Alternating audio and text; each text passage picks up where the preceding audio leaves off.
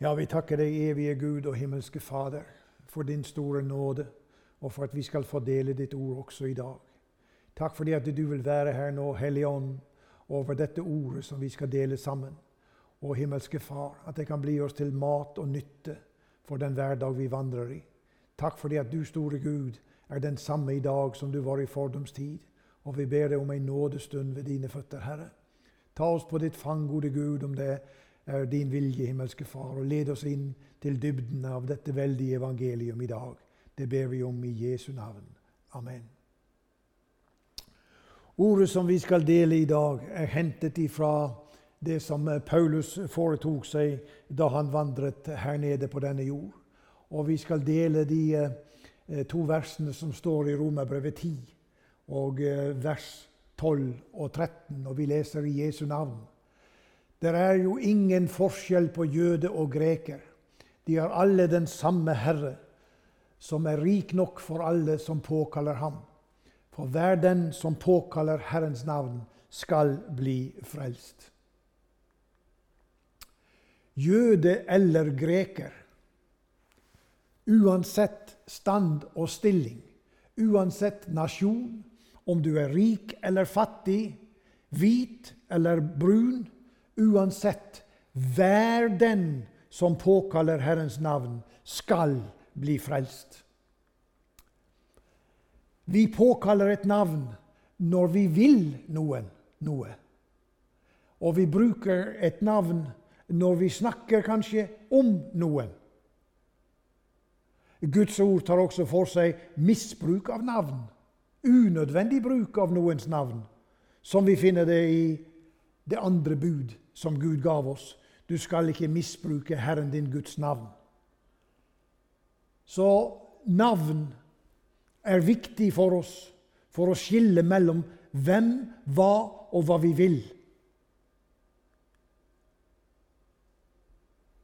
Da Jesus var født inn i denne verden som et lite barn, så vet vi det at det var ingen som så det nødvendig å påkalle hans navn da han kom. Han kom på uventet vis som en fattig som ingen hadde plass til. Han kom ikke til et slottsbygg eller til en storfamilie med eh, all verdens rikdom og glitter og stas. Det var kjent at han skulle komme. Det var forutsagt i profetene. Og endatil Herodes hadde hørt med sine kunnskapsrike om uh, hvordan dette skulle forholde seg. Jo da, det skulle fødes en konge. Den uh, lille gutten, himmelens konge, han måtte rømme landet for å berge livet. Hans mor og far reiste til utlandet, til Egypt, og ble værende der inntil han var vekke, som sto han etter livet.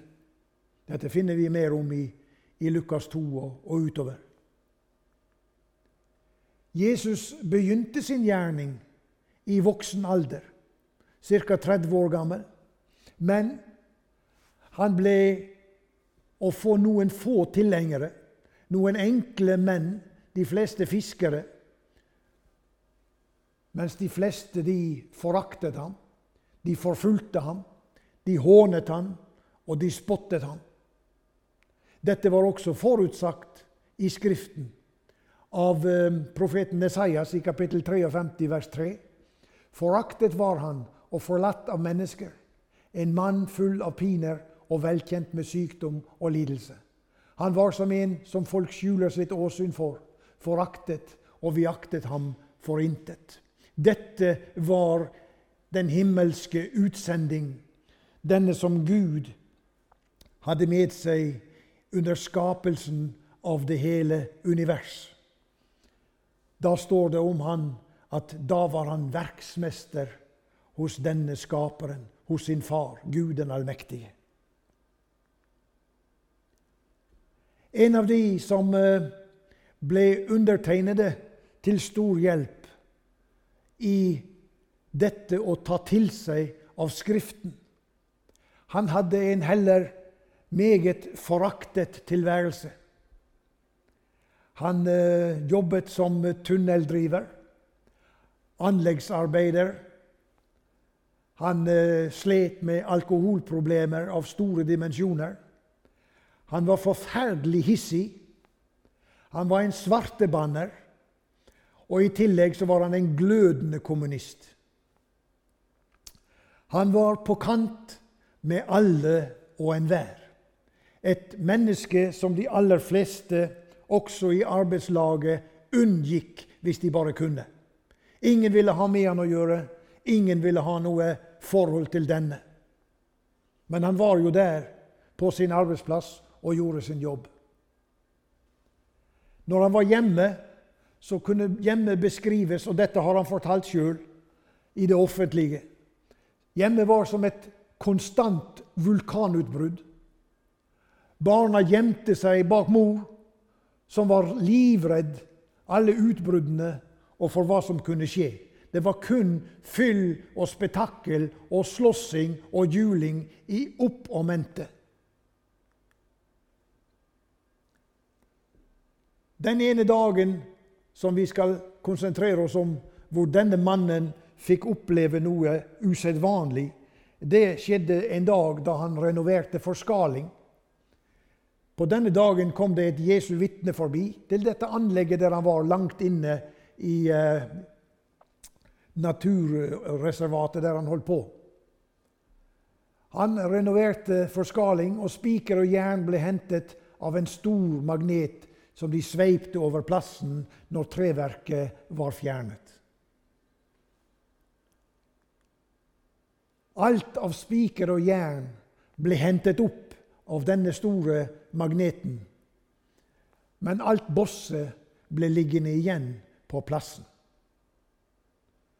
Evangelisten sa til Robert, som han het, dette, sa han, det ligner på når Jesus skal hente sine hjem. Blir du med da, eh, Robert? Det var alt han fikk sagt. Robert lyste han nord og ned, og eh, mannen reiste videre. Men Guds ordet, budskapet, hilsenen ifra himmelen, hadde nådd Roberts hjerte. Og en veldig sjelekamp begynte i Roberts liv. Da han kom hjem neste gang, så kom han hjem edru på døra. Da kona kom ut, så ble hun møtt med en smilende mann som sto der med en blomsterbukett. Hun trodde knapt sine egne øyne. Barna sto bak mor og undret seg over denne far som sto og gråt og ba om tilgivelse for alt det onde som han hadde forårsaket i familien. Ja, Robert hadde endatil sluttet å misbruke Jesu navn. Sluttet å banne, sluttet å diskutere om Gud og Jesus. Han hadde fulgt dette enkle ordet som vi delte til å begynne med. Hver den som påkaller Herrens navn, skal bli frelst. Han hadde påkalt Jesus i sin nød. Denne mannen kjøpte seg en sitar, og han satte seg ned på torget der i byen som han bodde, og spilte og sang nye sanger nå om Jesus. Barna hans de løp omkring i gatene og banket på husdørene og fortalte til folket at de måtte komme og høre, for de hadde fått en ny pappa. Hennes mann, denne forslåtte hustru, var blitt helomvendt. Han hadde påkalt Jesu navnet. Og i dette lå der en kraft til forvandling, både i sjel og i sinn. Denne Robert var ganske utradisjonell i sin måte å tale på. Han var svært direkte. Han var skarp i kantene. Ja, for skarp for misjonsorganisasjonene de ville ikke ha han inn i sine rekker. Han hadde heller ikke den rette ballasten. Han hadde en for brokete bakgrunn. Han hadde vært med både på det ene og det andre. Så egentlig, kort fortalt, han var ikke velkommen til å bli reisende som evangelist i disse organisasjonene. Men Robert han kjente på nøden for disse som han hadde levd iblant. Og han ble drevet av denne nøden ut. Og han kom til en bygd der han eh, fikk bo i et hjem hvor far i huset og mor i huset hadde hatt svære problemer med sine sønner, bl.a. Denne mannen som eide huset der, han var også leder for det lokale bedehuset. Og da han fikk spørsmål om han ville ta denne mannen inn under sitt tak, så sa han ja, hvorfor ikke? Hvorfor ikke? Det kunne ikke bli verre der, for disse guttene de levde slik som Robert hadde levd. Det var fyll og spetakkel og slåssing og elendighet hele tida. Og så kom spørsmålet om han kunne få lov å ha et møte på bedehuset. Og da ble han enig med denne om at jo, et møte og to, det kunne vi prøve. Og så gjerne kalle sammen folket i bygda der. Denne, som ingenting var, fikk Gud bruke til en stor vekkelse der på stedet. Han forkynte som her i dag. Vær den som påkaller Herrens navn, skal bli frelst.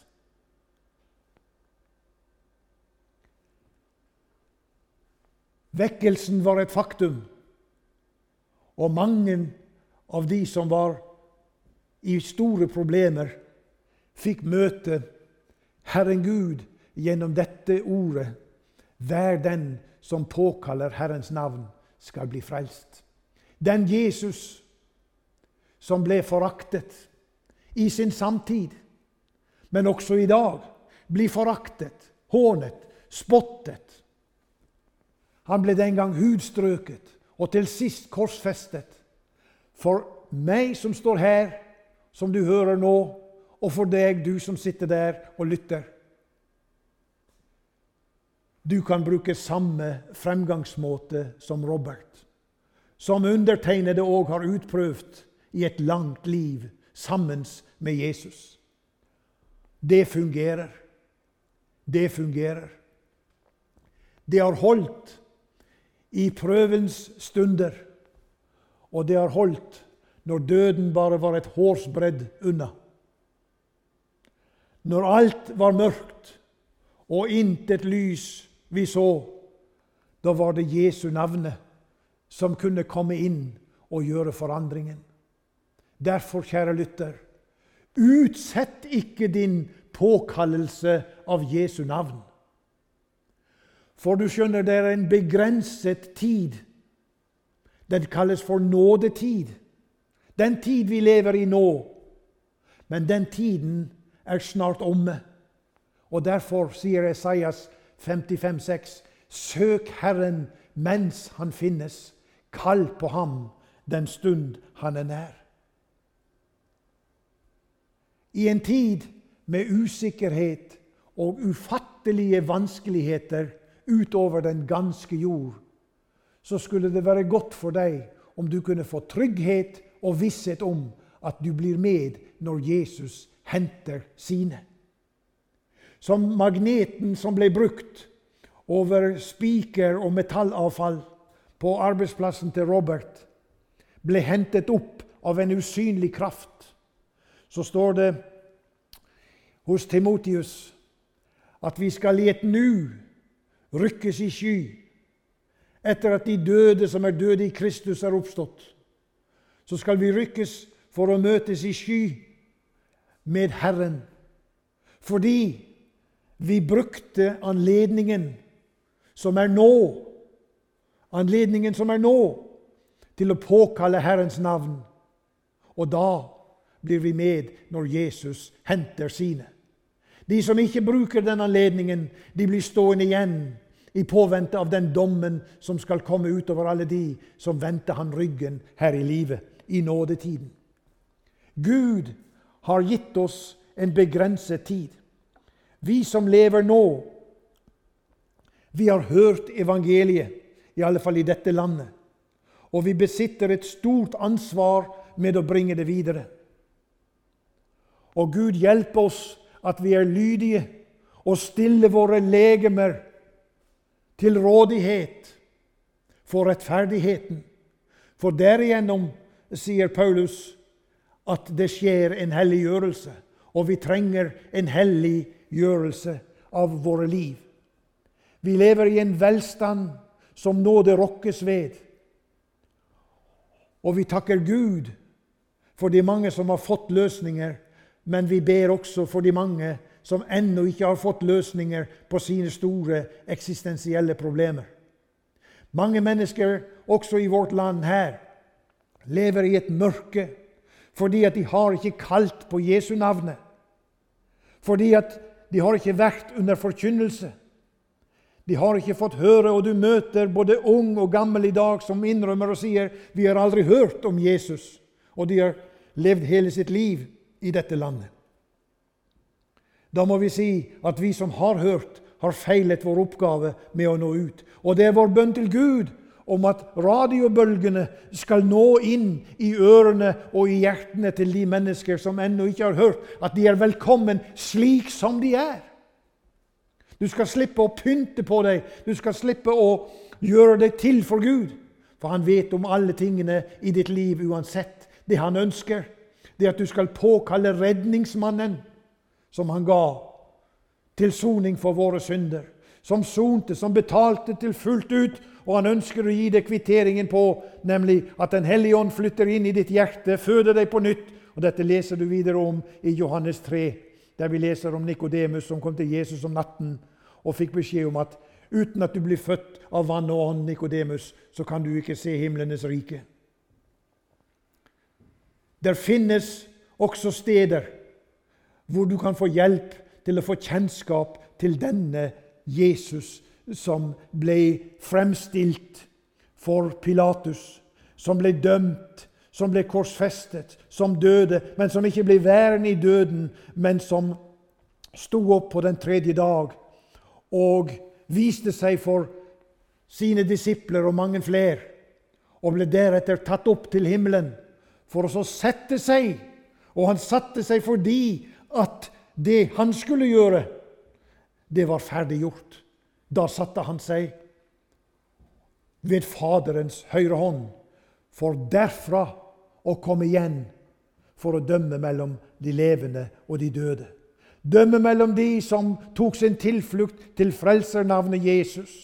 De som påkalte han i sin nød, i sin skrøpelighet, i sin manglende forståelse av hva alt dette dreier seg om, men som ville begynne på vandringen for å så sikre seg at evigheten blir i himmelen og ikke i fortapelsen. Det finnes bare to utganger av livet. To utganger. Og kjære venn som lytter, La det bli en avgjørelsens dag for deg, at du får høre at det gir gjenklang i himmelen. For der står det at himmelen gleder seg storligen over én synder som omvender seg. For hva gagner det, o menneske, at du vinner den hele verden, men fortaper din sjel? Søk derfor Gud i dag mens han er å finne. Kall på ham den stund han er nær, for hver den som påkaller Herrens navn, skal bli frelst.